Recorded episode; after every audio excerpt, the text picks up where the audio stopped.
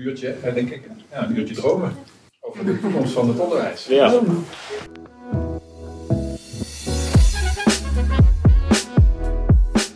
Ja, welkom allemaal. Ik ben Yasin Jalali, een van de meesten met dromen. Ik geef zelf eh, les op een middelbare school.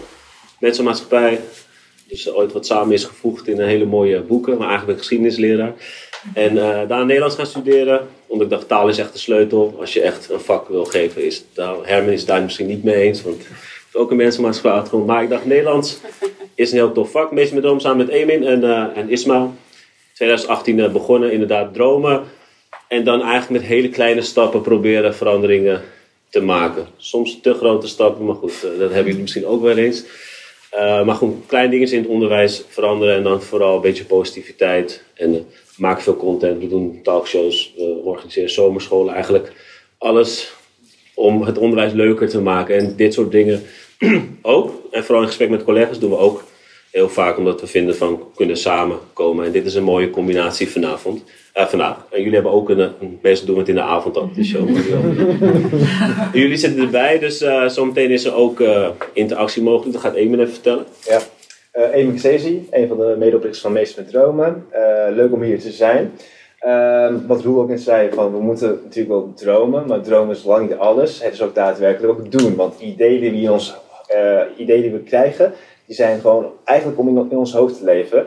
Maar een echte droom is natuurlijk als je in actie zet. We hebben daar natuurlijk foutjes gemaakt. We hebben praat mee via Menti gedaan, maar nee, ik nodig jullie allemaal zo meteen uit om doe mee via Menti, via de, code, zodat jullie zo meteen en een vraag en een tip eh, gaan eh, stellen. En eh, die gaan we ook aan de gasten eh, zo meteen eh, stellen. En komt hier op het scherm.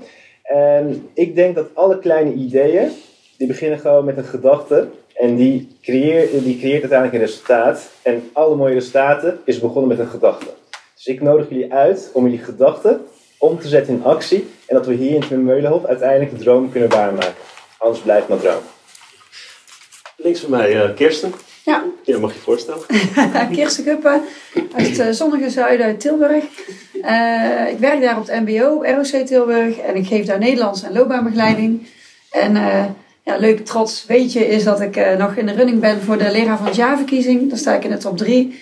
En wel nog toffer misschien, nou weet ik eigenlijk niet wat nog toffer is. Maar wel heel bijzonder dat ik in de top 50 van de Global Teacher Prize sta. Als enige uit Nederland. Dus dat is eh, wel echt heel gaaf en bijzonder. Dus eh, daar ben ik wel heel trots op en blij mee. Ja.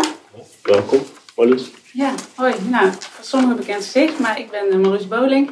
Ik ben docent op, het, op een middelbare school, uh, Amersfoort Vathorst. En ik uh, schrijf hier ook bij Timo Meulen voor het examenfonds, voor het examenbundel. En uh, ik werk ook op de Hogeschool van Amsterdam als leraaropleider. Dus ik combineer verschillende aspecten van onderwijs in mijn week. Ja. Ook welkom. Erwin. Yes, Herman, ook uh, sommigen ken ik ook hier al vandaan. Ik, ik mis Ad, of is die ook? Die, daar heb ik het meeste contact altijd mee. Oh, die is op vakantie. Oh, ja. die, uh, die heb ik heel vaak gesproken, nu de laatste tijd iets minder. Maar nee, ik ben Herman. Ik kom eigenlijk al uit Rotterdam, maar ik woon de laatste jaren in Enschede. En ik doe heel veel dingen door elkaar. En als ik die allemaal ga vertellen, dan, dan, dan is het uur voorbij. Dus op, op dit moment het belangrijkste is Stichting Meester Rembrandt. Um, uh, bij LMC, voortgezet onderwijs, projectleider 24 scholen, samenwerking, vooral de overgang PO-VO, dat is wel mijn expertise denk ik. En, um, en, en, wat ik uh, nog daarnaast doe is veel op social media, VMBO-docent. En uh, sinds een half jaar geef ik ook les aan zijnstromers. en vooral zijnstromers die echt niks van het onderwijs weten. Dus ik, ik neem ze heel erg mee van, eigenlijk van wat is het onderwijs, dat heb je al maar in Nederland. En, uh, en dat vind ik echt heel tof om te doen. Ik vind, denk dat ik Zijnstromers ook de leukste groep vind, omdat ze een heel mooi verhaal hebben, al heel veel gedaan hebben.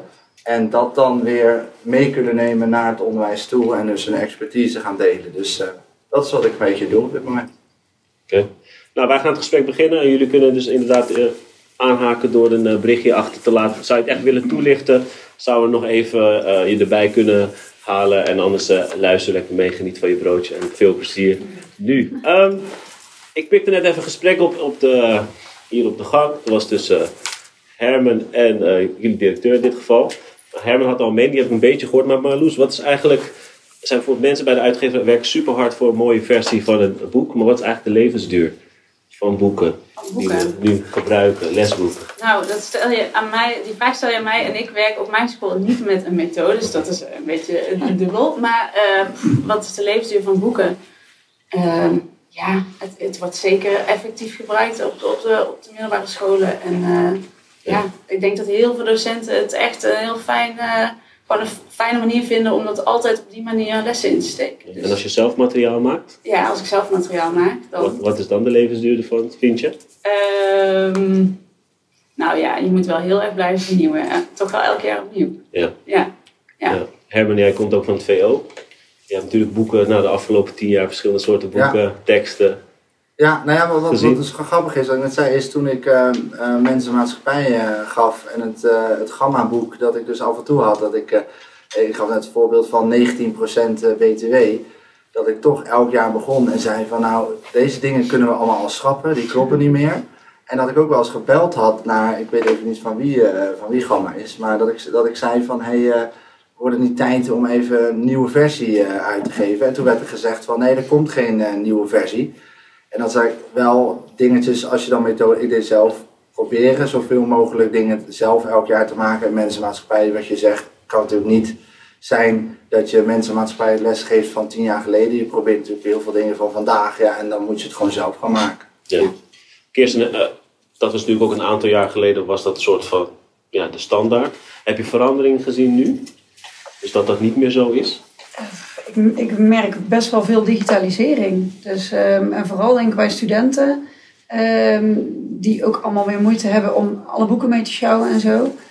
Ehm, en voor mij persoonlijk, ik ontwikkel zelf ook heel veel les, want ik ben zo'n docent die eigenwijs is en het niet altijd eens is met de methodes die ik voor mijn neus krijg. Eh, ik probeer het zo praktisch mogelijk te maken. En ik merk dat ik elk jaar weer, eigenlijk wat je ook zegt, dat het belangrijk is om te blijven vernieuwen, om mee te gaan met de tijd en ook met de actualiteit.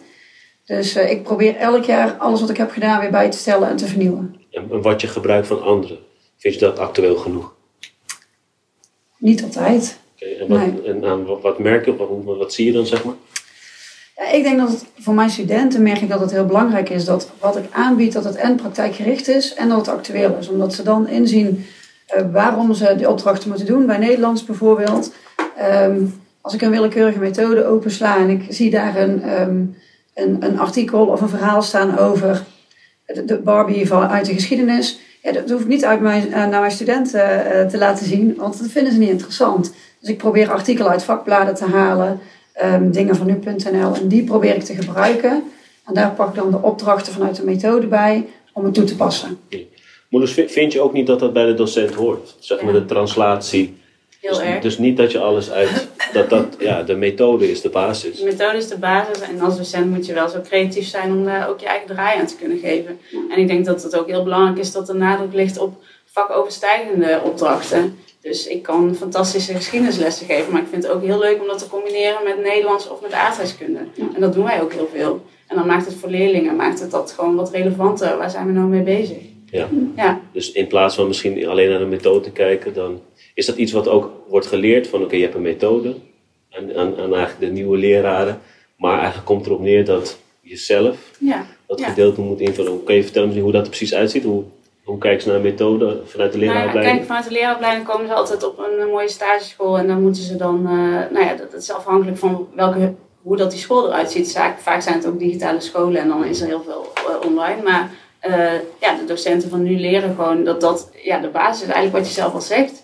En dat je, ehm, om bijvoorbeeld een leuke lesstart te hebben, dat je dan juist bijvoorbeeld met de actualiteit kunt aanhaken en dan daar een leuke activerende werkvorm omheen bedenken. En dan komt de verdieping daarna bijvoorbeeld weer met de methode. Maar op die manier toch eh, spelen met de stof. Ja. Eh, Herman, jij komt uit, eh, nou ja, je bent nu verhuisd, maar je kwam uit de grootstedelijke omgeving. Ja, we werken nog steeds. Hè? Ja, je werkt er nog steeds. Rotterdam. Ehm, je zit nu in een ander gebied. En dan kijk ik zeg maar, naar de verschil. De basis wat een leraar moet kunnen, bijvoorbeeld in het vertalen naar de omgeving in Rotterdam. En het vertalen naar de omgeving in ehm, En- Enschede. Ja. Is dat iets waar je zelf mee te maken Nee, hebt? dus dat is wel, wel grappig, want ik ben wel bij scholen geweest ook en ik heb nu ook mensen waar ik mee omgaan die daar werken. Is, eh Enschede heeft heel, eh, gewoon een grote stedenproblematiek. Dus de, de gedachte ook dat dat zeg maar anders is dan in Rotterdam, dat is natuurlijk eh, niet zo. En daarnaast is ook dat ik eh, bijvoorbeeld op, eh, in Rotterdam-Zuid, dat vond ik de meest simpele school waar ik ooit heb lesgegeven. En eh, een, een, ik heb een andere school gehad waar dus niet de, de type leerling van Rotterdam-Zuid zat, waar ik veel meer moeite mee had. Dus de, de, de kinderen die in Zuid zaten, die waren eigenlijk super geïnteresseerd, wilden vaak meedoen, maar die hadden ook heel erg die, die band met, met de docent, was super belangrijk. En ik merk juist vanuit die relatie dat daardoor mijn lessen ook vaak interessanter werden. En dat ik dus met kinderen die, van wie de relatie, eh, ik, moest laatst bij een docent kijken, een stromer in eh, Den Haag. Op de school waar eh, Willem-Alexander ook heeft gezeten en ook zijn broers. nou, die kinderen waren totaal niet geïnteresseerd in wie die docent was. Die kwamen echt, nou ja, misschien naar wat luisteren wat de docent zei, maar in zijn persoon vrij weinig. En toen dacht ik, dat vind ik wel boeiend. En, en, en dan kan je dus het, het verschil goed zien. Hè? Dat je dus als docent, nou ja, in zo'n geval ook inderdaad bepaalde tools of een bepaalde persoonlijkheid moet aannemen op een bepaalde school waar je, waar je werkt. En als je hem iets scherper zet, zou je in, in Rotterdam een ander geschiedenisboek gebruiken dan in Enschede? Dat ja, weet ik zegt, niet. Ik vind sowieso dat, dat, dat waar, waar ik vroeger wel eens dacht van bijvoorbeeld, uh, wat is het, een Zwarte Piet. eh, Ik had in het begin dacht van wat zit ze nou te zeuren. En ik ben nu helemaal daar niet helemaal omgedraaid, maar wel meer van ik dacht van ik begrijp het eigenlijk helemaal en, en stop er maar mee. Eh, hetzelfde geldt als ik vond van, nou ja, eh, dat mist helemaal niet in de geschiedenislessen. Hoe meer ik zelf ging onderzoeken, dat ik dacht, dat mist allemaal in de geschiedenislessen, zeg maar. Ja. Dus, dus meegaan met je tijd is heel belangrijk. Ook zelf onderzoek daarna doen en dan ook erkennen. En, en het maakt natuurlijk voor mij geen reet uit of het nu een Marokkaanse leerling is of een Surinaamse of een, of een, eh, of een, een Twentenaar of wat dan ook. Dan, ze moeten allemaal dat gewoon meekrijgen. Eh, je kan natuurlijk niet alles behandelen, want voor sommige kinderen is het natuurlijk vanuit een bepaalde culturele achtergrond jammer dat we dat niet kunnen behandelen natuurlijk. Maar ik vind wel dat voor alle kinderen, zeg maar, dat we nou ja, dat steeds als er veranderingen zijn en we weten meer, dat we dat dan wel op school ook gelijk moeten aanpassen. Was alleen één voorbeeld die naar boven komt, is, is de wethouder die ik eh, sprak eh, een halfjaartje geleden. En die zei dat hij veel van bedrijven hoorde dat de jongeren die vanuit het onderwijs komen totaal niet aansluiten op hetgene waar, waar het bedrijf mee bezig is. En toen dacht ik wel zoiets van, ja, het zou dus zomaar kunnen zijn dat een docent denkt dat hij bij de tijd is. Dat hij ook hetgene doet wat bij de tijd is. Hè? Dus ook denkt van, ik, ik, kijk inderdaad op, op eh, internet en wat dan ook. Maar eigenlijk de tools helemaal niet meer geeft waar nu behoefte aan is of wat nodig is. En in het bedrijfsleven gaat altijd een stukje sneller. En ik mis daar soms wel een beetje die, die aansluiting. Dat docenten, en daar vind ik misschien die zijnstroom is ook zo interessant. Mhm. Die misschien net iets meer weten hoe, eh, wat er in de praktijk eh, nodig is. Ja, eh Kirsten, als we het hebben over de praktijk. En zijn er vaardigheden die ze uit boeken kunnen halen waar uitgeverij een rol kunnen spelen? Zijn er, is, is daar iets in wat je kan teruglezen dat je zegt van ja, als we die vaardigheid toetsen, die manier oefenen, op die manier misschien leren onderzoeken enzovoorts, vind je dat nu terug in eh, het materiaal wat je hebt? Mm, Nou, dat is denk ik een beetje waarom ik dus zo eigenwijs ben. Ik merk heel erg, eigenlijk wat je ook zegt, technologie gaat snel. We weten soms niet waar we studenten überhaupt opleiden. Eh, jij zegt het al, we weten, we denken dat we actueel bezig zijn, maar dat is soms niet. Dus wij zijn heel erg samen aan het werken met bedrijven om te kijken wat speelt daar. En wat ik heel erg merk is, ehm, nou, wat ik net zeg, de technologie gaat heel erg snel en we leiden de studenten op. We hebben geen idee wat er over tien jaar gebeurt. Dus ik denk dat bepaalde skills, en 21st century skills kun je daarbij noemen, maar bepaalde vaardigheden, bepaalde kwaliteitenontwikkeling, ehm, die worden eigenlijk nog veel belangrijker dan het, het vak, de vakinhoudelijke kennis. En, ehm, Ik denk dat misschien dat de boeken niet nodig zijn. Jawel, kijk, ik heb nu het vak loopbaanbegeleiding en daar heb ik ook een methode bij en dan gebruik ik ook mijn eigen ontwikkelde lessen. En daarmee kun je studenten wel ehm, bepaalde skills en vaardigheden aanleren of ze helpen ontdekken eh, welke ze al hebben en ze leren hoe ze die in moeten zetten. Ehm, en ik denk dat het een stukje eh, zelfstandigheid vraagt, ehm, een stukje ondernemend gedrag om ervoor te zorgen dat zij straks klaar zijn voor dat werkende leven. Marloes, wat zijn die to- toekomst, eh, ja, als we kijken, een soort van toekomstkunde van maken, wat zijn die skills en, Nou, ik denk dat het echt super belangrijk is dat leerlingen eh, leren samenwerken met verschillende soorten ja, medeleerlingen. Daar, daar zetten wij bij ons echt heel veel op in. Ze moeten elk, elk thema moeten ze weer met anderen samenwerken. Ja, dan komen ze zichzelf wel tegen. Maar dat is ook wel heel mooi, want dat gaan ze gewoon later nodig hebben. Ehm, we krijgen ook terug van, van leerlingen die eh, dan nu een vervolgopleiding doen, die dan echt zeggen: Oh wauw, wat we bij jullie eigenlijk geleerd hebben, dat we dus zo, zo- ja, we moesten, we moesten doen. En we moesten ook eh, zelfstandig werken. Ze, eh, wij werken met leerpleinen, dus niet klaslokaal, maar dan moeten ze dus echt zelfstandig aan opdrachten werken. En dan moeten ze ook anderen weer opzoeken. Dus ze zijn heel erg gericht op, dat, op die zelfstandigheid. En ja, daar, daar helpen we ze wel heel erg mee. Dus ja, ik denk dat dus zelfstandigheid, om antwoord te geven op je vraag, en, eh, en dat samenwerkend leren, dat dat wel twee belangrijke pijlers zijn. Ja, dus nou, we zetten met z'n allen in op digitalisering. Gaat dat dan juist tegen? Ja, probeer ook sociale samenhang te krijgen en samenwerken. Werkt de digitalisering dat niet tegen dan? Je kunt er ook online samenwerken. Ja, ik kan dat zeggen. Ja. Nee, nee, bijvoorbeeld, ja. Ja. Ja, ja. Nee, dus eigenlijk blended learning, kan dat samen? Kan dat zo Ja. in de klas? ja. Oké, welke, welke positieve ontwikkeling zie je daarin in de blended learning? Zeg maar? Poeh. Ik kan hem ook nog even blijven laten hangen. Ja, hoor. laat mij even hangen. Ja. Ja. Sta jij positief op, eh, digitalisering? Ehm, ja, eh, ja, nee. Ik bedoel, wat ik een negatieve tendens vind, is dat, eh, is dat je ziet dat, dat leerlingen, in ieder geval dat, dat het volgens mij al bewezen is dat leerlingen een beetje ongelukkig worden van te veel op internet zitten. Dus dat, dat vind ik wel jammer, dat ze dus ook zeggen van, dat ze het hebben gemist, het contact, het persoonlijke contact en, en het de leuke dingen doen dat je iemand moet zien.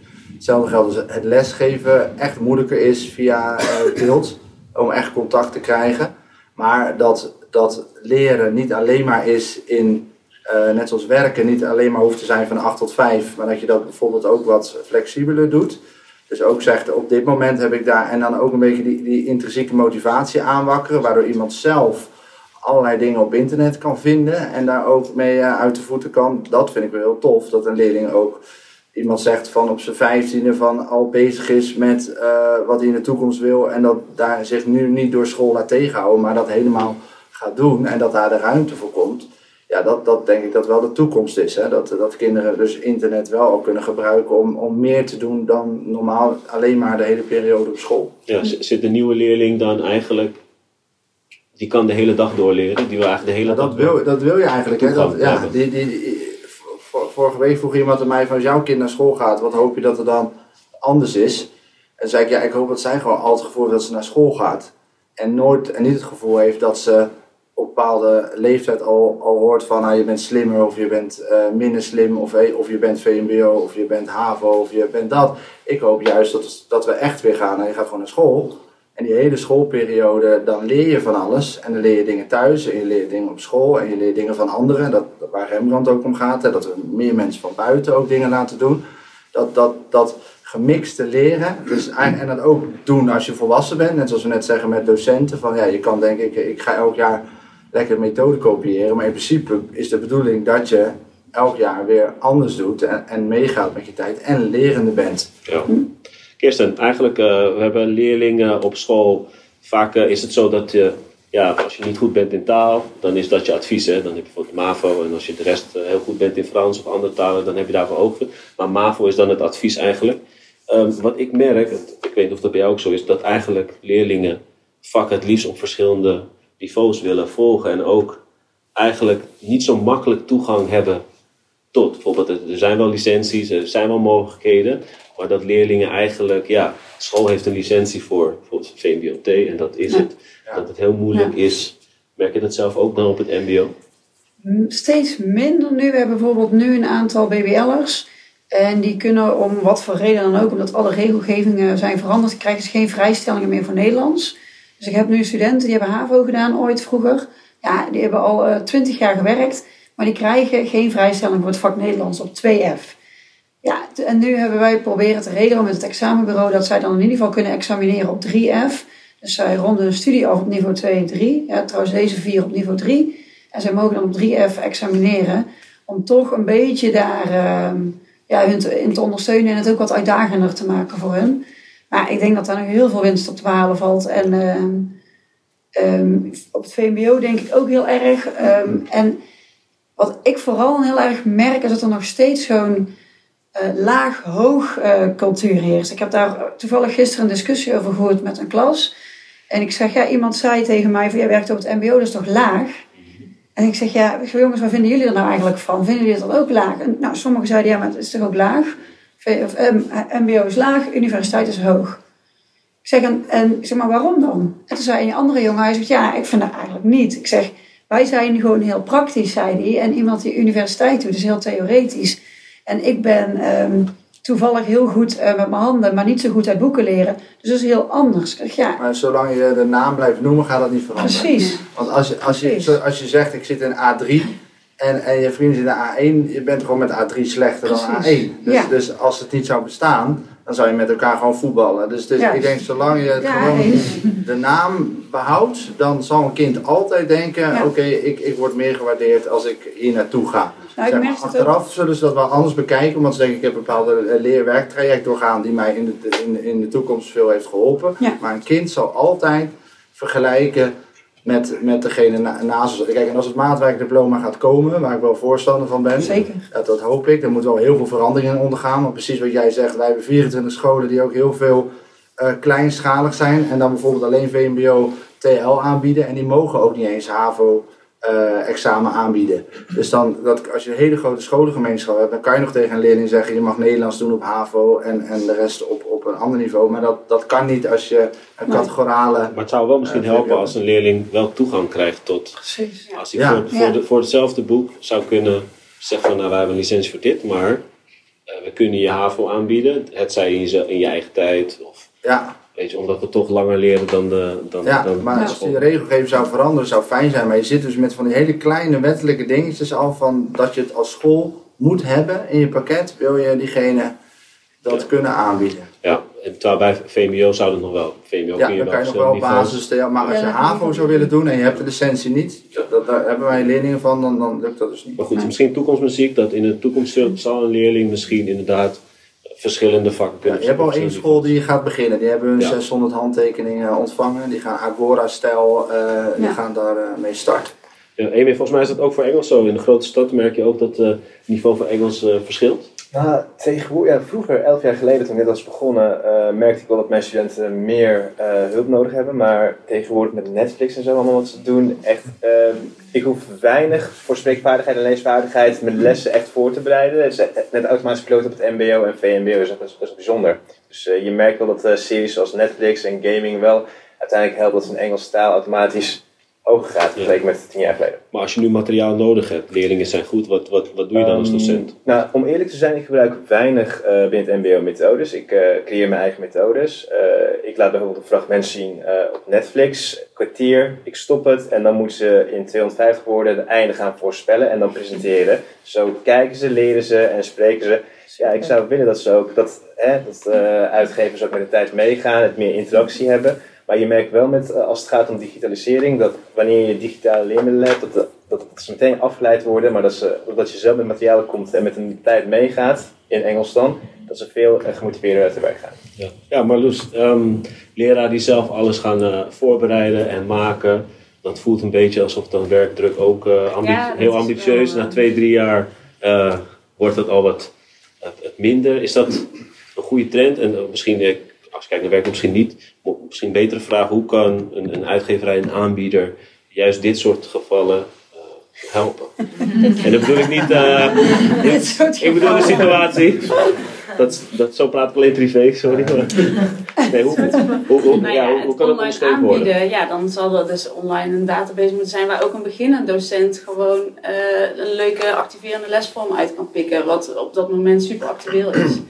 Ja, dat, dat is, dat is om die werkdruk wat te verminderen, ja, dan is dat een optie. Ehm, maar verder heb ik geen idee eigenlijk. Nee. Is, maar dat is wel iets waar, voor een, vooral een beginnend docent weet volgens mij niet waar of hoe Ja. die moet beginnen. Die heeft eigenlijk misschien alleen zijn direct, directe collega's, die zijn ook nog vaak druk. Ja, en dat misschien, is misschien is de nieuwe student ook en dan iemand kan die een graag online uitgeverij daar toch promo op, eh, op voeren. Dus gewoon een online database. Ja, nou ja, ja, ik denk dat daar sommige docenten wel mee geholpen zijn. Want kijk, eh, niet iedereen is zo creatief en heeft de tijd over om weer eh, iets eh, unieks voor te bereiden. Nou ja, En daarom doet, dat zei ik net, Lesson Up doet het goed. Ja. Eh, en dat is dus Ja. ook die gedachte van de een maakt een les en de ander pakt die les en, en maakt hem misschien nog beter of weer wat anders. En als er eh, bijvoorbeeld één hele goede les is waar heel veel mensen aan hebben gewerkt, dan die, die, die, die duizenden die erop lijken en dan niet meer worden gebruikt, die worden dan ook verwijderd. Ja. Dus je bent wel met elkaar steeds toffere lessen aan het maken. Ja, en, en als dat dus kan met eh methoden maken en je gaat dus samen met docenten dingen maken, dan eh, ik denk dat, dat, wat jij maakt bijvoorbeeld, jij denkt dat het heel goed is. En, dat, en het is waarschijnlijk ook goed dat de leerlingen dat vinden. Maar nog beter zou zijn als iemand die weer de expertise heeft om daar bijvoorbeeld Ja. eh, een basis van te maken dat ze echt kunnen zien dat alle leerlingen er wat aan hebben. Ja. Eh, dat alle leerlingen ook een vooruitgang daarin kunnen. Dan is het mooi als je die combinatie kan maken met en de, het expertise van hoe maak je nou een methode en, een- en een goede eh, opbouw van het hele jaar. In samenwerking met wat jij van de leerlingen als feedback en ook zelf eh, qua kennis weet om daar een, een goede les van te maken. En dan krijg je dus verschillende methodes. De basis is misschien hetzelfde, maar het- door die docenten eh, krijg verschillende methodes. Dat vind ik wel een hele goede. Ook mooi dat je het aankaart, want in Istanbul in, in, eh, in Engeland heb je nu een website Teachers Pay Teachers. Heb je dus docenten, het is net zo'n soort marktplaats. Je, je gaat daar je eigen lessen met, met methodes verkopen. En uitge uitgeverijen die werken ook gewoon samen uiteindelijk om met hun met de tijd mee te gaan. Dus het Teachers Pay Teachers eh, principe is daar wel populair, maar hier is nog totaal onbekend of weinig. Ja. Maar wat je nu zegt... Wel goed dat, eh, dat er een betaalde gedachte achter zit. Ja. In, in, in Rotterdam hebben ze ooit geprobeerd eh, een site te bouwen met van gooi hier je lesmateriaal op. En dan denkt iedereen, ja, ik, ik heb er geen zin in op. Ik ga toch niet na schooltijd dat ook allemaal nog een week zitten doen. En, maar als je dus een gedachte bij zit dat je er dus, dus wat voor kan krijgen voor de, alle effort die je erin gestopt hebt. En ook dus daarna weer dat zelf kan gebruiken, dan, dan krijg je een goede, eh, interessant. Ja, en de uit- uitgever heeft natuurlijk ook wel vaak docenten die in dienst zijn. Want eh, volgens mij klinkt het Kirsten alsof het dan een, soort van klankbord wordt. Dan heeft de uitgeverij wat aan. En de Ja, win-win toch? Ja, Ja. Ja, en je denkt dat je docenten ook wel echt nodig hebt. Die, die weten wat er speelt, die staan met de voeten in de klei, zijn elke dag met studenten of leerlingen bezig. Dus ik denk dat als je daar gebruik van maakt en dan weer samenwerkt, ja, dan kom je volgens mij tot de mooiste dingen.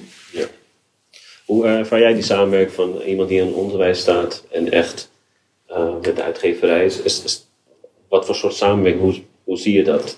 Is dat iets wat bijvoorbeeld een docent echt als klankbord moet worden gebruikt, of als schrijver? Moet de expert echt bij de eh, docent zitten? Of is het toch wel iemand die meer verstand heeft van het schrijven en, en ontwerpen van een, een boek? Zijn we daar capabel genoeg, zeg maar, om dat echt te Ja, dat is wel een ontwerpen? goede vraag hoor. Zijn we, ja, we zijn als docenten wel. eh, nou, als we het hebben over, over bijvoorbeeld de leerdoelen die achter een bepaalde werkvorm zitten of zo. Nou, dat is natuurlijk wel fijn om dat als klankbord te kunnen toetsen van goh, is dit op een juiste manier ingezet. Maar ehm, ik denk wel dat, eh, nou, dat de docent wel de, ja, wel de regie mag hebben. Ja. Ja? Als ik denk als bijvoorbeeld leerlijn, als we het daarover hebben, dat is constant op een school Ja, door, doorlopende leerlijnen. doorlopende leerlijn. Ja. Dat is constant. Is dat iets niet wat we gewoon centraal met z'n allen kunnen doen ergens? Dat we zeggen van, nou, we kunnen altijd daar kijken, want nu is dat eigenlijk elke school zelf is bezig, bezig met zijn doorlopende leerlijn, curriculum. Dat kan het eigenlijk toch veel makkelijker, centraal op één punt eigenlijk. Dat Ja, ik begrijp je vraag nu niet helemaal. Dat, dat, dat we een, eh, dat een doorlopende leerlijn voor elke school ongeveer hetzelfde eruit zou kunnen zien. Uite- uiteindelijk maken we vaak allemaal hetzelfde, alleen we doen het individueel, zeg maar. Ja. We wisselen het niet uit met elkaar. We ontwerpen allemaal eigenlijk hetzelfde, hetzelfde als met lessen. concurrentie, we hebben ook concurrentie tussen scholen. En zeker in de grote steden. Ja. Dat we gewoon eh, leerlingenwerving en eh, pretenderen dat we beter zijn dan een ander. En, en, en daardoor dat je je kind bij ons moet inschrijven. Ja, zeker. Dus zolang, zolang Ja. je dat ook aanvliegt als een half bedrijf, dan eh zul je ook weinig samenwerking hebben en zeggen, hé, laten we met z'n allen even die leerlijnen. eh, Ja, maar elke schoolcultuur is ook weer anders. Ja. Dus je leerlijn moet ook weer aansluiten bij wat je zelf als school als kernwaarde hebt. Ehm, En als jij een digitale school bent, is het natuurlijk ook weer heel anders. Als jij veel vakoverstijgend werkt, is dat ook weer anders. Ik denk dat je die school-eigenheid ook echt niet los moet laten. Maar eh, ja, het is, zou zonde zijn als we allemaal opnieuw het wiel aan het uitvinden. Nou, daar heb je met corona denk ik wel heel erg gemerkt. Dat echt iedereen, die moest ineens om gaan schakelen. Iedereen ging het wiel opnieuw uitvinden. En ik vond echt Ja. opvallend weinig eh, samenwerkingen. Ja. Echt ja, ongelooflijk. En dat vind ik ook een beetje onderwijs. Ik ben het met je eens dat, ik zeg, dat je zegt... elke school moet wel zijn eigenheid houden. En, en dat, daarmee wil je ook profileren, dus dat is terecht. Maar ik vind het wel jammer dat er een beetje een eilandjescultuur heerst. Waarin mensen niks met elkaar willen delen en, Ja. en daar bang voor zijn of zo. Vooral als iets goed gaat, is het natuurlijk Ja. super belangrijk dat je zegt, dit gaat bij ons heel goed. Misschien moeten jullie dat dan ook doen, of hier heb je het hele pakket. Maar ja, er zit helaas nog echt die eh, gedachte in. Ze- Zelfs het POVO-project mocht ik eh, niet bij sommige besturen eh, presenteren. Nee. Alleen de gedachte al gaat natuurlijk helemaal nergens over. Want zij dachten, ja nee, dat is toch ons verzonnen project. Je werkt toch bij ons, weet je wel. Dat, Ja. ja. Ik heb met loopbaanbegeleiding heel veel gezien. Want ik zeg al, dan ben ik zelf een beetje wat lessen aan het ontwikkelen. Dan kom je erachter dat andere mensen dat ook gaan doen zijn van andere scholen. Ik zeg, nou kunnen we dat dingen uitwisselen? Laten we zien wat jij hebt. Nee, ja, nee, dat wil ik allemaal niet. Ik wil wel voor jouw materiaal hebben. En dan krijg ik niks terug. Ja, maar ja, ik deel altijd alles. Maar ik denk, het is zo jammer dat je niet eh, wat meer samen kunt werken. Het is wel leuk dat je dat net noemde als een van de belangrijkste dingen om leerlingen te leren samenwerken. Ja. Ja. Zegt, eh, maar wij vinden dat eigenlijk zelf als, eh, als vakgroep best wel ingewikkeld. Ja. Ja, dat is een goed punt. Ja. Eens, ja. Eh, Even een vraag. Ja, er is een vraag vanuit eh, de zaal. De eerste vraag. Hoe ver wil je gaan in de individuele weekenden van de docent? Lessen maken als sectie of school? Wat is daar de ervaring?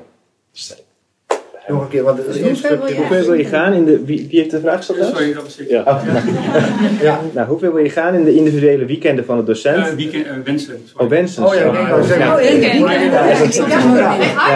ja. Moeten we over... Er zit al mensen hoofd in het Een weekend. typo, een typo. Meeste Ja, de zondagsrust is nog wel belangrijk. Ja, ik wou zeggen. Nou, hoe, ver, hoe ver wil je gaan in de individuele wensen van de docent? Lessen maken als sectie of school? Wat is daar de ervaring? Ja, vind het wel lastig, de individuele wensen van de docent, zeg maar. De, de, het- het is, je moet eigenlijk een soort balans krijgen, dat het voor de, voor de leerling eh, en, en ook voor de docent leuk blijft. En want als je, als je gaat kijken van het wordt allemaal van bovenop en dit moet je gaan doen en de docent wordt een halve robot en er kan, kan weinig eh, nog vanuit de individu. Ik denk dat dat, precies wat jij net zegt, van die, die eigenheid van de scholen is, die eigenheid van de docent super belangrijk om, eh, om die intrinsieke motie- motivatie eh, te behouden. Dus, dus de, de, de- ja, je moet er altijd een hele goede wisselwerking doen. Maar je moet ook niet hebben dat de ene eh, klas totaal iets anders krijgt. En ook op misschien wel een minder niveau of een ander niveau, wat dan ook, dan, dan de ander. Dus er moet altijd een soort basis in zitten van gelijkheid. Maar ook, ook zeker veel ruimte voor eh, de individuele wensen van, eh, van de docent. Ja, ik ben wel van mening dat een schoolleiding ook gewoon heel erg moet investeren in bijvoorbeeld de tijd voor de sectie. Om daarin ook goed eh, ma- materiaal te delen, ideeën uit te wisselen, samen te werken. En als je die ruimte krijgt eh, en gewoon de tijd krijgt, ja, dan komen er de mooiste dingen uit voort. Maar als jij niet een eh, middag bijvoorbeeld vrijgeroosterd kan worden omdat het- de lessen door moeten gaan, ja, dan, dan is dat een gemiste kans. Dus ik denk dat de school, het, van de schoolleiding vertrouwen in het eigen personeel, ja, dat staat Maar natuurlijk in het basisonderwijs kan al, al niet zomaar iemand eh uitroosteren. In het VO is die mogelijkheid Ja. misschien Ja. iets meer, maar in het basisonderwijs ja, is het helaas... eh, ja. Ik denk dat voor mij is het heel belangrijk om niet te kijken naar wat ik wil, maar om te kijken waar hebben mijn studenten behoefte aan. Ik heb een, eh, nou mijn jongste student is 16, mijn oudste is 58. Ja, die hebben hele andere wensen en ideeën bij een les. Dus ik kan niet voor mezelf bedenken, ik vind dit de leukste les. Ik moet heel erg bedenken, wat is nou mijn doelgroep? Welke studenten heb ik in mijn klas en wat hebben zij nodig? En dat bespreek ik dus ook altijd. Hoe kan ik jullie helpen? Wat is jullie spanningsboog? Wat vinden jullie interessant? En daar pas ik per klas mijn les op aan. Maar Loes, het zijn volgens mij wel dan, kunnen we verschillende scholen typeren, maar twee zeker. Ik heb er ook op eentje gewerkt dat alles wat digitaal stond bij de uitgever en de toetsen, en dat werd allemaal precies gevolgd. Dus elke les stond van tevoren al vast, welke powerpoint je moest laten zien, welke opdrachten, de antwoorden. En, en er zijn scholen die inderdaad het als basis gebruiken. Kunnen we ze ruwweg zo typeren? Zo. twee soorten scholen? Ja. En ik denk dat die ook altijd zullen blijven staan. Want we hebben net over docenten en dat ze ruimte willen. Er zijn ook docenten die dat niet willen. Ja, eens. Ja. Die, die volledig willen leunen op wat er is. Ja. En, en, en Dat mag die- ook. Ja. Nee, het, het kan ook. Dat mag ook. ja. Welk type ben je? Oh ja, ik, ik werk op een school waarbij we echt alles zelf ontwikkelen. En wij vooral, ehm, nou ja, wij willen wel pilots starten om van alles anders te doen. Dus dat, ja, ik ben wel de, de andere kant. Ik wil wel veel creativiteit. Ja. Wat, wat heb jij nog nodig? Ja, nou, ik heb een, ja, het klinkt heel dubbel wat ik nu ga zeggen, maar ik heb eigenlijk een ander eindexamen nodig. Ik schrijf voor het examenfonds, maar ik vind toch echt dat, eh, dat dat echt anders kan en moet. Ehm, dus dat zou ik, ik zou het super gaaf vinden op een andere manier toch ehm, ehm, mijn leerlingen een diploma te kunnen geven. Zonder dat ze dan dat centrale eindexamen. Ja. Is een andere vorm mogelijk. Zit dat in de hele, het hele formatieve toetsen? en Ja, ja, maar ook ehm, ja, het eindexamen is zo weinig creatief. Terwijl we ze zoveel vaardigheden leren en dingen leren in al die nou ja, vijf, zes jaar of korte vier jaar. En dan is het dat moment is het een schriftelijk examen maken. Ja, dat, ik word daar soms een beetje droevig van. Ik- dus, ik- ik kan zo- heel vaak eigenlijk. Ik kan zo'n ik kan zo'n meetsysteem, moeten wij dat zelf doen? Of moet dat bijvoorbeeld online voor een bepaald vak gewoon te vinden zijn? Dus dat je echt een leerling hebt door vier jaren heen, doet Nederlands, werkt ook digitaal. Dat je echt in de online omgeving. Ja, dat zou heel mooi zijn. Ik denk dat OCMW daar wel heel bang voor zou zijn. Maar eh, ja, nou ja. Want in principe, volgens mij zou dat niet heel. Ik kijk, ze staan in jullie schoenen. Volgens mij zou dat niet heel moeilijk zijn om een leerling vier jaar lang te volgen en zijn niveau te toetsen. En dan zou je eigenlijk kunnen zeggen van hij Klaar. of zij kan het. Ja, ze, Ja. Hebben, ze hebben onderzoek gedaan naar degenen die, eh, die, die geen examen hebben gemaakt eh, eh, vorig jaar. Dus eh, afgelopen jaar wel, en het jaar daarvoor. En eh, met wie zeg maar stopt na het eerste jaar HBO, universiteit enzovoorts. En er bleek helemaal geen verschil te zijn tussen, eh, tussen de kinderen die dat ze het niet halen. Maar dat is ook logisch, want je hebt vijf jaar bijvoorbeeld HAVO gedaan. Het zou een beetje belachelijk zijn Ja. dat, dat je daar eigenlijk vrij weinig hebt geleerd als je het examen niet had gedaan. En daardoor eh, eh, je HBO niet zou halen. Maar het gaf wel weer aan dat inderdaad die, die zo'n eindtoets heel belangrijk maakt. Het is natuurlijk al wel steeds minder belangrijk. Hè? Dus de, de percentage in verhouding.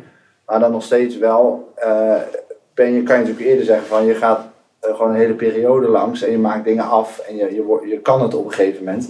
En dan ga je langzaam dat je dan, eh, net zoals iemand dus bijvoorbeeld bij MAVO start en dan bepaalde onderdelen op hoger niveau gedaan heeft. En dan bijvoorbeeld vooral taalkundig.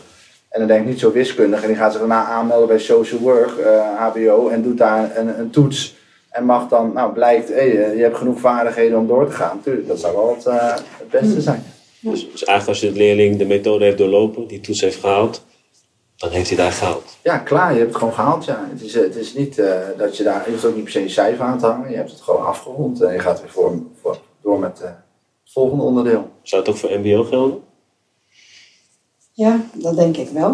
Maar dat past wel jouw talentgedachte bij. Ja, ja, talentenpaspoort, ja. Ja. ja. dat is, vind ik een heel mooie ontwikkeling, wat aansluit bij wat we eerder zeiden, die 21st century skills die dan belangrijker worden. Dus wij zijn nu bezig met de ontwikkeling van een talentenpaspoort, zodat studenten als ze klaar zijn met hun studie niet alleen een diploma hebben, maar ook een talentenpaspoort waarin ze kunnen laten zien wie ze nu echt zijn, wat hun vaardigheden zijn, wat hun talenten zijn. Wat hopelijk ook weer bijdraagt aan eh, een bepaalde match in het werkveld. Ja. En tof om te weten, de, de, de minister van Onderwijs was vorige week, twee weken geleden bij ons in de klas. Ze hebben drie van mijn studenten dat staan presenteren. Nou, ik zat bijna te huilen achterin, zo mooi. Eh, echt. En gisteren tijdens het eh, debat in de Tweede Kamer heeft ze dat nog aangehaald. En eh, ja, dat is, ja, dat is zo gaaf om te zien en zo mooi eh, dat dat zoveel indruk heeft Ja, gemaakt. ja, want PricewaterhouseCoopers doet dus de eerste sollicitatie zonder diploma. ja, en dan puur op, op, op wat je hebt gedaan en wat je kan Ja. enzovoort. Microsoft en, en- Google ja, doen het ook. Precies, dus dat Ja. wordt ook wel de toekomst. Dus dan, dat het onderwijs daar een beetje mee moet bewegen, dat gaat wel gebeuren. Ja, dat is echt mooi. Mooie in ontwikkeling. Ja, ik dacht even dat het eh, hier eh, weinig interactie zou zijn, want we zijn dat natuurlijk niet gewend, maar opeens kwamen er vier vragen. Ehm, nou, de eerste is best wel leuk. Hebben docenten op school gesprekken met elkaar zoals nu? Niet eh, bewust, maar we hebben natuurlijk eh, in de pauze, dan is het de helft van de tijd onzin, Temptation Island en dat soort dingen. En de helft van de tijd is. eh ja, het, Klagen. eerlijk zijn. Ik, ja, bij ons wordt er eigenlijk weinig geklaagd, maar eh, het is gewoon een helft onzin en de helft eh, van hé, hey, hoe gaat het bij jou? En oh, dit is tof en hoe zullen we dit gaan doen? En het hele bezoek van de minister is in de pauzes eh, voorbereid en geregeld en afgestemd met elkaar. Dus, eh, Maar echt, ik bedoel misschien echt inhoudelijk. Ja, inhoudelijk. ja, maar ja, ook. Ja. Ehm, dus, dus delen met... ik heb nu elke week een lunchafspraak met een collega van Nederlands en loopbaanbegeleiding van een andere afdeling. Gewoon om samen eens te kijken, hoe doe jij het? Wat, wat doe ik, wat doe jij? Wat kunnen we van elkaar leren? Wat kunnen we uitdelen? Dus zo proberen we tijdens de lunchafspraken wel. Het is niet echt gepland, tenminste bij ons niet. Ja, ik denk wel te weinig. Maar eh, de waan van de meer, dag. ja. De waan van de dag is wel redelijk eh Ja, aanwezig. precies. Je moet Ja. gewoon wel op een gegeven moment ook gewoon geleefd. En dan Ja. is zo'n dag altijd veel te kort. Ja. Ja. Ja. Hetzelfde met de methode kiezen, toch? Ik weet ook hoe dat gaat op school. Ja. Dan is het bijna tijd en dan ja, moeten we een methode kiezen. Het gaat vaak eh, ja, binnen een dag, twee, Ja. dat we iets lezen. Of iemand is heel erg fan en die zegt dit moeten we echt doen. En dan heeft, hebben anderen geen Ja, tijd om die prima. methode te Ja, lezen. dat is goed. prima. Goed, en dan is het vaak het jaar daarna, oh, we een nieuwe methode. Oh ja, Ja, bij ons is dat wel anders. Wij moeten wel echt goed onderzoek doen en goed onderbouwen eh, waarom we ergens voor kiezen. Dus eh, Nee, bij ons, wij krijgen echt een mailtje van welke methode wil je gaan gebruiken. Je moet morgen Ja. een antwoord geven. Graag, ja, er staat er graag Ja. voor vrijdag aangeven. ja. En dan ben je net nog een beetje andere dingen aan het doen. Ja, is goed. Doe maar. Doe maar. Ja. Oh, jullie dachten dat we er heel goed over nadachten. Ja. Oh, die, had- die hadden we al. Laten we maar gewoon doorgaan. Ja, ja.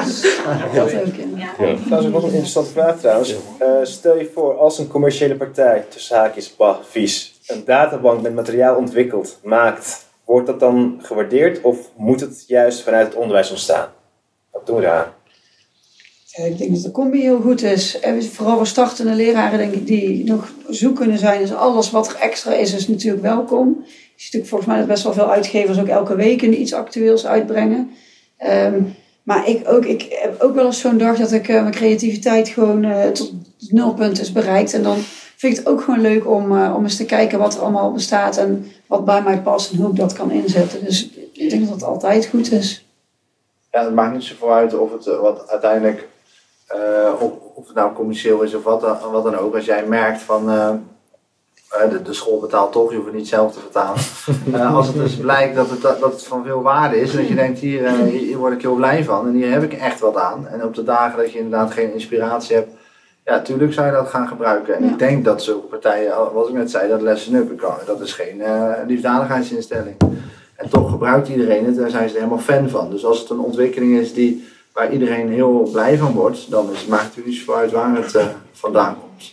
Ehm, even een volgende vraag. Ehm, er zijn nieuwe skills, ook vaak nieuwe vakken, scholen, verzinsafvak.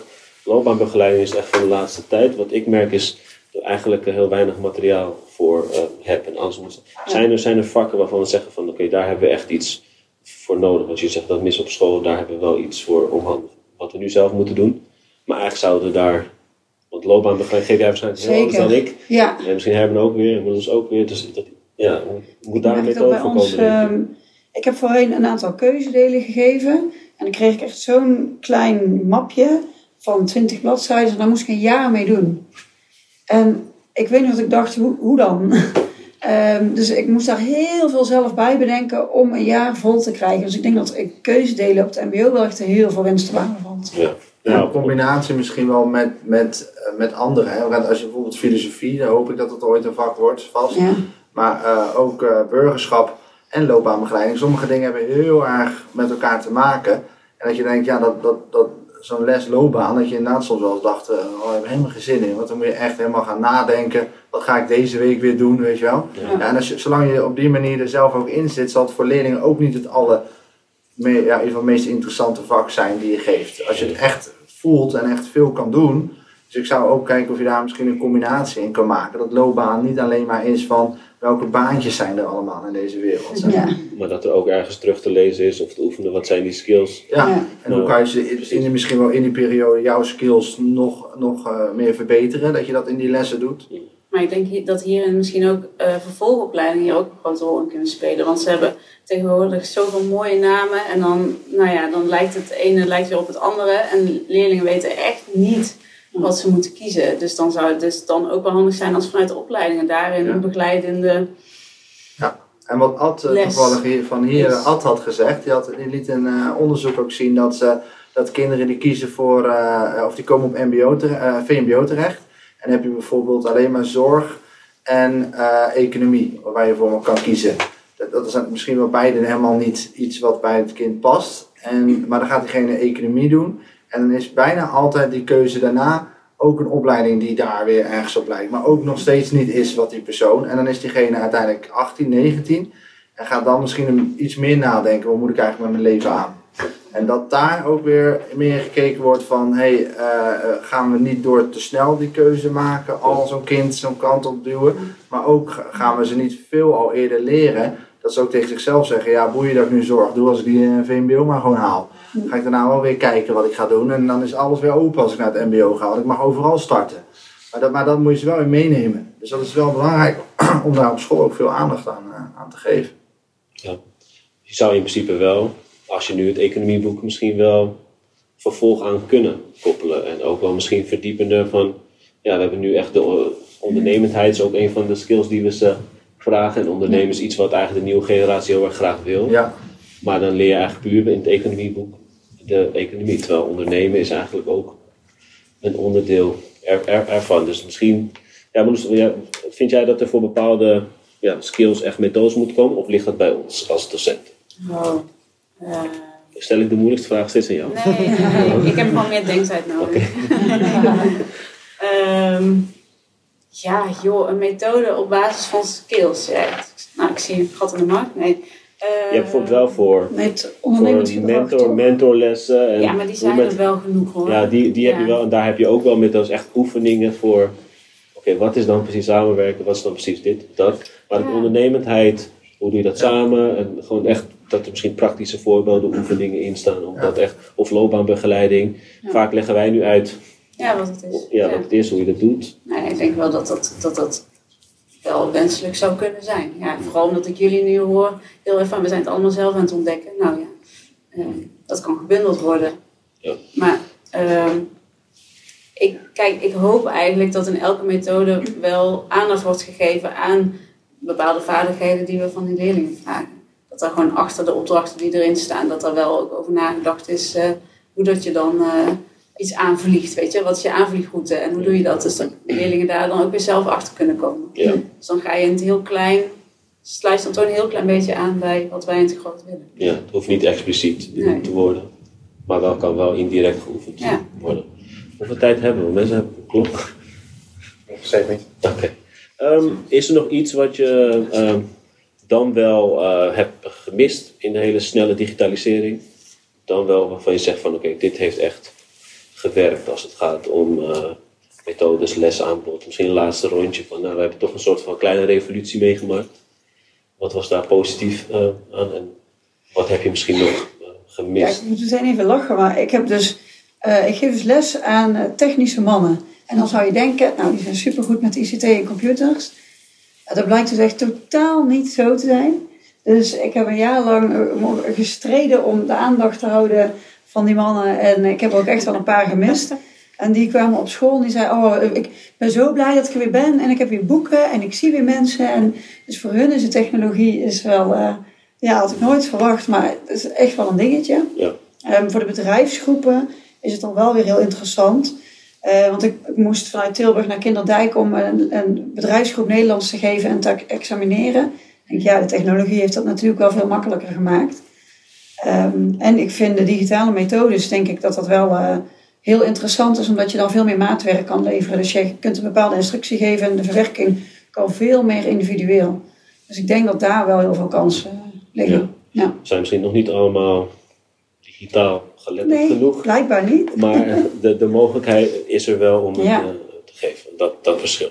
Ja. Ja, ze zijn ingesprongen, maar de, niet alle leerlingen en studenten waren er nog klaar voor. Nee, Dus, nee, ja, duidelijk niet. ook nu wel.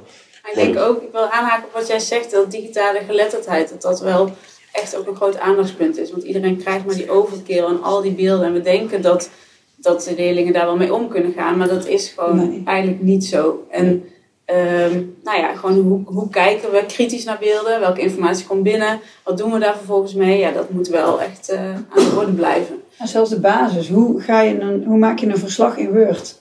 Hoe ze- voeg je paginanummers toe? Ze hebben echt geen idee. Ja, dat is waar. Dus dat is ook, er zitten ook wel kansen. Ja, dus ge- genoeg digitaal eh, aanbod. Maar alsnog gelukkig een on- onmisbare link is een docent die... Ja, Ja. ja schakel worstelt ook. Ja. Ja. Ja. Ehm, maar goed, leerlingen, ik heb net al gehoord, leren wel 24 uur. Dus zouden wij, is het dan, hebben misschien voor ons, om ze te gaan leren, dat ze eigenlijk toegang hebben tot heel veel en dat we ze eigenlijk daarop Ja, voorbereiden? dat, dat zijn twee dingen. Wat, wat, ik, wat mij opviel is inderdaad, wij denken vaak dat, dat kinderen in een digitale wereld leven. En dat is dus inderdaad, maar dat is vooral social media en, en, en Netflix kijken en, en dat. Heeft eigenlijk niks te maken met en ook niet het, het goed inzetten. Dus als ik zei van we hebben vanmiddag eh, bij de Kuip eh, een voetbaltoernooi. Dan vroeg de helft hoe kom ik daar. En dan denk ik, hoe bedoel je, je woont hier in de straat. Ja. Eh, en dan zeg ik, ga je niet aan mij het adres vragen? Ja, maar hoe moet ik lopen? Ik zeg Google. Weet je wel, Ja. Google Maps, wat dan ook. Dan denk ik, apart. Ik, ik dacht dat zij de hele dag ook Google Maps zouden volgen. Ja. Is niet zo. Maar dus, de- dat zijn kleine dingen. Maar ik denk nog meer dat, wat ik net zei over die, die ongelukkigheid. En die, die, eh, dat te veel op internet en te veel en te weinig connectie met elkaar. Dat ik ook zag, oké, we hadden corona en ik zag de kinderen ineens wel weer in de wijk spelen. Dat ik dacht, oké, kennelijk hebben ze nu te veel achter de computer gezeten, dus hebben ze behoefte om hun vriendjes weer te zien. Dat wij als school een taak hebben om men eh, gelukkig te houden in een digitaal tijdperk. Want ik denk dat we, dat we pas veel later gaan beseffen, misschien met roken en met alcohol, wat dan ook, dat we gaan merken dat dat toch schadelijker is dan dat we dachten. Ben ik bang dat we op een gegeven moment daar naartoe gaan en zeggen dat het toch schadelijker voor de kinderen was dan, dan we dachten. Dus ik zie daar wel een rol in als school, dat we niet helemaal meegaan. Want vaak de onderwijs doet, denkt het ook vaak. Oh nee, dat gebeurt in de samenleving, dus wij moeten ook helemaal mee. Misschien zouden we eens moeten kijken om het wel heel goed in te zetten. Dus wel echt goede dingen te gebruiken. Dus inderdaad niet overal vergaderen, maar soms ook gewoon teams gebruiken. Ja. Maar voor de kinderen ook wel een soort rustmoment, wifi-vrij, eh, eh, connectie met elkaar te creëren. Ja, dat is volgens mij altijd eh, het evenwicht van het digitale aanbod. Dat zal exploderen. En, maar daar, daarnaast heb je een soort van de rem nodig. Wie, geeft, wie, wie trapt soms op de rem van oké, hier gaan we niet in mee. Ja. En Ja. op die manier. Is een vraag. Er is een vraag. Eh, de resultaten en voortgang van studenten is feilloos te volgen, zoals leerlingvolgsysteem, et cetera. Maar hebben de docenten vervolgens voldoende handvatten om iets te doen met deze data? Krijgen wij als docenten daar genoeg ruimte? Doen we daar wat mee? Ik weet zelf dat ik er zelf weinig mee doe, want ik heb de tijd daar niet voor. Ook niet om aan een collega te vragen. Maar ik weet hoe het bij jullie is. Ja, ik denk, ja, de ontwikkeling is steeds meer data, steeds meer gegevens Ja. die, Ja. we, die, die we hebben. Is dat iets wat speelt in... eh, Nou ja, wij, hebben wel, wij krijgen al, omdat we mentor zijn allemaal, krijgen we ook de ruimte om eh, één keer per periode met elke student een gesprek te voeren. Dus die, die data, de, de cijfers, maar ook de gesprekken, de, de stages die ze lopen, die komen daarin allemaal terug. Dus ik vind dat er bij ons best wel veel eh, tijd aan wordt besteed. En ik vind dat ook wel goed en ook nodig. En je kan hele mooie dingen uit data halen. We, we hebben één school van ons die had hele slechte examenresultaten. En toen zeiden de docenten, eh, eh, ik weet niet of je dat herkent bij jullie ook op school, maar de onderbouw geeft de bovenbouw de schuld en de bovenbouw de onderbouw. En de onderbouw ook af en toe van het, het PO, van de adviezen waren niet goed. Iedereen geeft elkaar ergens de schuld, maar in dit geval was het, eh, eh, was het dus nee, de, waarom hebben we slechte examenresultaten? Omdat we dus kinderen aannemen die eigenlijk niet goed genoeg zijn. Dat was het idee wat ze hadden. En toen was een bureau en ook zij zelf, de, de werkte daarin mee, gingen dus dataonderzoek doen en alles bekijken. En wat bleek, eh degene die bleven zitten en het examen niet haalden, dat waren degenen die onderpresteerden. Dus die eigenlijk het makkelijk hadden moeten halen. Maar die waren kennelijk in die vijf, zes jaar HAVO of VWO eh, verveeld geraakt en deden geen reet. En haalden hun examen niet. Eh, dus die hele school dacht van, oh, we hadden het eigenlijk bij het verkeerde eind. Dus de kinderen die waarvan we dachten, die halen het niet, die hebben we extra gesupport, extra gemotiveerd. En degene die, dus, die we maar gewoon een beetje gelaten hebben, we hebben slim genoeg, die hadden het examen niet gehaald. Dus dan, dan kan data weer Ja. natuurlijk even weer eh. de ei-opener zijn van, hey, Ja. Je denkt dit misschien wel, maar klopt dat wel? Mooi. Er is nog één, Marloes, wil jij hem nog... eh, Nou, ik zit ook, de data zijn ook belangrijk om ehm, ook te kijken gewoon naar de zorg in de brede zin van het woord. Dus soms dan is er ook gewoon heel veel met een kind aan de hand en dat moet je, daar moet je gewoon wel van op de hoogte zijn. Ja. En dat is wel fijn dat we dat in ieder geval met z'n allen samen kunnen bundelen. Dus eh, dat en verder, ja, ik denk dat we als docenten wel eh, daar goed genoeg mee om kunnen gaan. Ik weet niet waar de richting in zit van die vraag van is er wat... eh, wat ontwikkeld zou moeten worden. Maar ik denk dat elke docent daar wel mee eh, uit de voeten komt. Oké. We zijn, eh, sorry misschien voor, voor jullie van links naar rechts soms gegaan en eh, alle kanten op. Maar ik denk dat we, nou in ieder geval, Em en ik hebben het voorbereid om te proberen zoveel mogelijk eh, kanten aan te raken. Inderdaad, nou, blended learning, nou, daar zijn jullie natuurlijk ook allemaal mee bezig. En je merkt wel dat, ja, dat is een positieve ontwikkeling. Maar dat we wel als docenten inderdaad soms even eh, het gas eh, even los eh, laten. Dat er heel veel beschikbaar is om te leren. Maar dat ja, onze leerlingen nog niet altijd weten hoe dat dan precies gaat. En op welke manier dat we ze kunnen volgen. Ik denk dat we daar veel beter mee om kunnen gaan. Dat doen we bijvoorbeeld op zorg of, of voortgang doen we ook qua cijfers. Maar wat nou inderdaad, nou, de laatste tijd zie je heel veel formatief toetsen online ook allemaal. Dus wat nou als we ineens allemaal daarop willen springen? Ik denk dat ja, het online digitaal kunnen volgen van zo'n voortgang, dat daar ook wel echt inderdaad een kans eh, gaat. Evenals het maatwerk, zeg maar, wat in de toekomst, dat een leerling echt op alle niveaus misschien zou kunnen worden eh, getoetst. En dat hij een diploma gaat halen op verschillende niveaus. Een eh, geschiedenis MAVO, misschien wel een HAVO voor Frans. Hoe mooi zou het zijn als hij dan inderdaad alles tegen zou komen. Heel veel moeten wij ook zelf doen, zelf ontwikkelen, zelf leren in de klas. En eh, op de, als het gaat om de basis, dan ja, leunen docenten nog echt wel altijd op datgene. En er zijn docenten die helemaal leunen op datgene wat eh, jullie geven in dit geval. En er zijn docenten die inderdaad dat helemaal zelf doen. Ik denk dat het ook een mooie en unieke is van eh, ons onderwijs. Ben, ben ik iets vergeten? Hebben we nog tijd voor één vraag? Ja. Ja? Eh, jullie maken jong adolescenten klaar voor het werkveld. Maar binnen bedrijven spelen ook zaken als oud denken versus nieuw denken. Wat zouden jullie bedrijven willen aanbevelen? Of scholen. Nou ja, wat, wat, wat je zag bij Zijnstromers, ik, ik moet denken aan, aan, aan een Rotterdammer die eh, uiteindelijk gestopt is. Ik ben even aan het denken hoe zijn bedrijf nu heet, waar hij toch eh, aan het kijken is om mensen, om te kijken wat de geluksheidfactor is. Of ik weet niet meer, ik kom zo wel op de naam. Maar hij eh, gaf een presentatie en hij zei van, er wordt niet, eh, staat, de mens staat niet open in het onderwijs voor wat ik allemaal al kan. Eh, en wat ik allemaal heb gedaan. En, en hij was geloof ik manager geweest van een IT-bedrijf of wat dan ook. En dan werd er nog dat iemand tegen hem zei: Ja, weet je, ga jij maar eerst eens even dit leren. En dan mag jij pas zeggen wat jij vindt, hoe het zou moeten. En ik denk dat dat iets is, en dat zal ook in bedrijven spelen, die gedachte dat een nieuwkomer of een jongeling of, of wie dan ook eerst maar eens eventjes moet leren en luisteren. Die gedachte vind ik jammer. En ik denk ook wel, in het onderwijs zeggen ze van ja, je bent nog een jonge hond of wat dan ook. Eh, dat is eigenlijk, als je dat zegt, dan pretendeer je eigenlijk van, nou ja, straks niet meer.